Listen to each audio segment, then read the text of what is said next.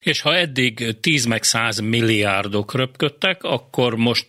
jöjjünk le a magyar valóság egy másik szeletére, Baranya megyébe, egy 300 fős, 300 lelkes kisfaluba,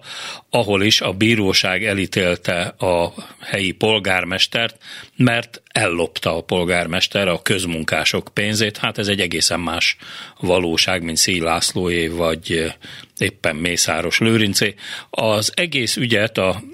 elejétől fogva nyomon követte Katus Eszter, az átlátszó újságírója, aki itt van velünk a vonalban. Jó estét kívánok! Jó estét kívánok! Hát ha lehet azt mondani, akkor ez a történet, ez egy, ez egy eh, egészen szívszorítóan szomorú dolog. Eh, mi volt egészen pontosan, eh, ami történt, és mi lett ennek a bírósági ügynek a vége? Hát ugye a történet azonban indult, hogy pár évvel ezelőtt, az egészen pontosan 2015-ig kell visszamennünk, amikor a Start munka program keretében, ugye más ország szerte, hogy rengeteg közmunkás kellett felvenni és foglalkoztatni, és hát ez nem volt másként Kárászon sem, és hát itt nyilván felvettek, amennyit tudtak éppen, ez lehetett éppen 5 vagy éppen 10 fő,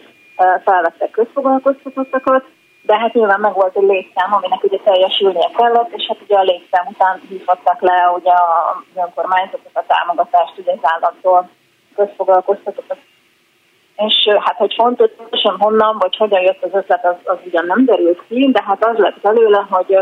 három közfoglalkoztatott, ez valójában nem végzett munkát 2015-16-ban és 2017-ben, hanem megkaptak valamennyi pénzt, a pénz másik felét pedig bent kellett hagyniuk a polgármesteri hivatalban egy borítékban, aminek hát a köztájon az, az forgott, úgy forgott a neve, hogy fekete kassa vagy fekete pénz, és hát ugye 50 ezer forintot kaptak volna a közmunkások, ha dolgoztak volna, ez a három közmunkás nem dolgozott, és ezért 25 ezer forintot kaptak havonta. A másik, az összegnek a másik fele az pedig ugye ott maradt ebben a borítékban. Hogy ennek a pénznek pontosan mi lett a sorsa, azt csak részben sikerült a nyomozó hatóságoknak kiderítenie. A tanúvallomások alapján az történt, hogy ebből fedezték részben a helyi különböző ilyen rendezvényeket, például a képviselőtestület egyik ilyen évvégi vacsoráját,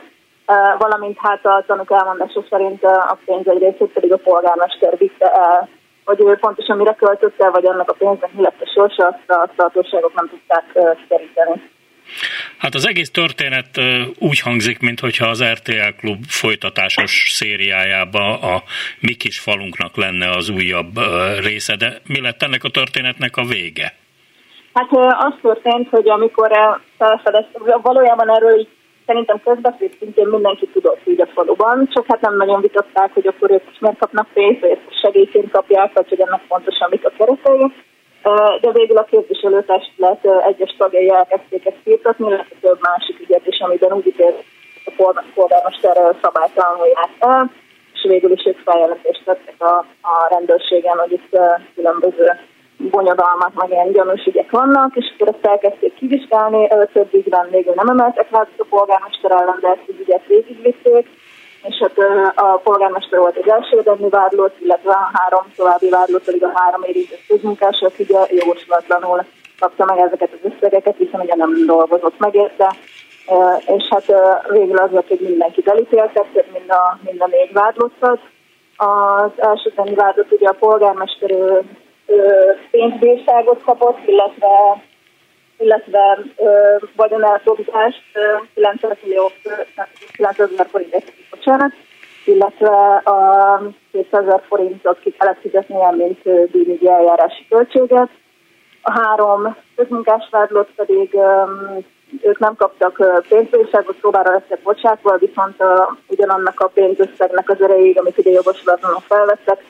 vagyonálkobzást rendeltek el velük szemben, ami, ami hát nyilván megviselte őket, mert hát az a pénz nyilván már nem volt meg. Akkor is ez egy nagy segítség volt, és nyilván havonta ezzel 25 ezer forint, az pedig, hogy most egybe több százezer forintot vissza kelljen fizetniük, ez, ez a, a harmadrendi vádatnak szinte biztos, hogy nem fog menni, ami azt jelenti, hogy hát egy vagyontárgya van, amit el tudnak úgymond kobozni, ez pedig a, a háza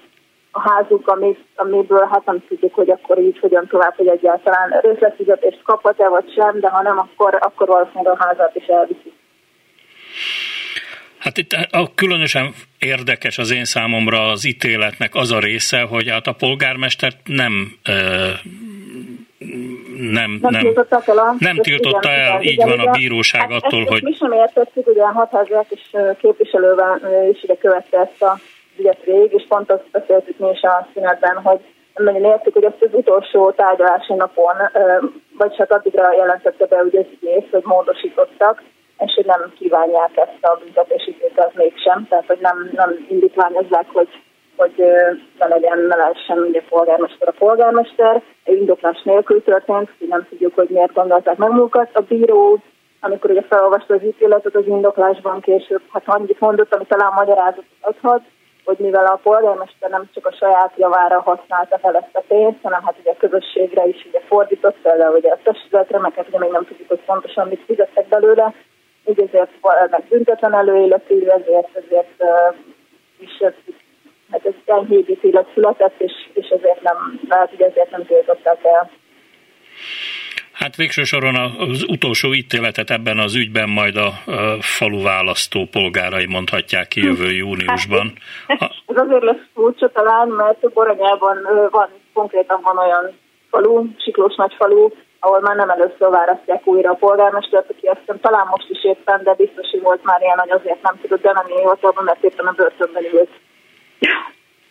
Ennek hagyománya van nálunk szerintem. Na hát nem akkor... feltétlenül hoznak ítéletet, illetve hát a másik érdekes, még ennyit szabad hozzátennem, hogy azért tényleg ez, ez ilyen rendszer szintű dolog. Tehát hogy az egy dolog, hogy több településen is hasonló zajlik szerintem nap mint nap. Azért itt is sokan tudtak erről, meg hogy mi hogy zajlik, de valahogy mindenki valamilyen szinten Katus Eszternek, az átlátszó újságírójának nagyon szépen köszönöm, hogy elmondta mindennek a hátterét itt a Klubrádióban. Viszont hallásra! Viszont hallásra!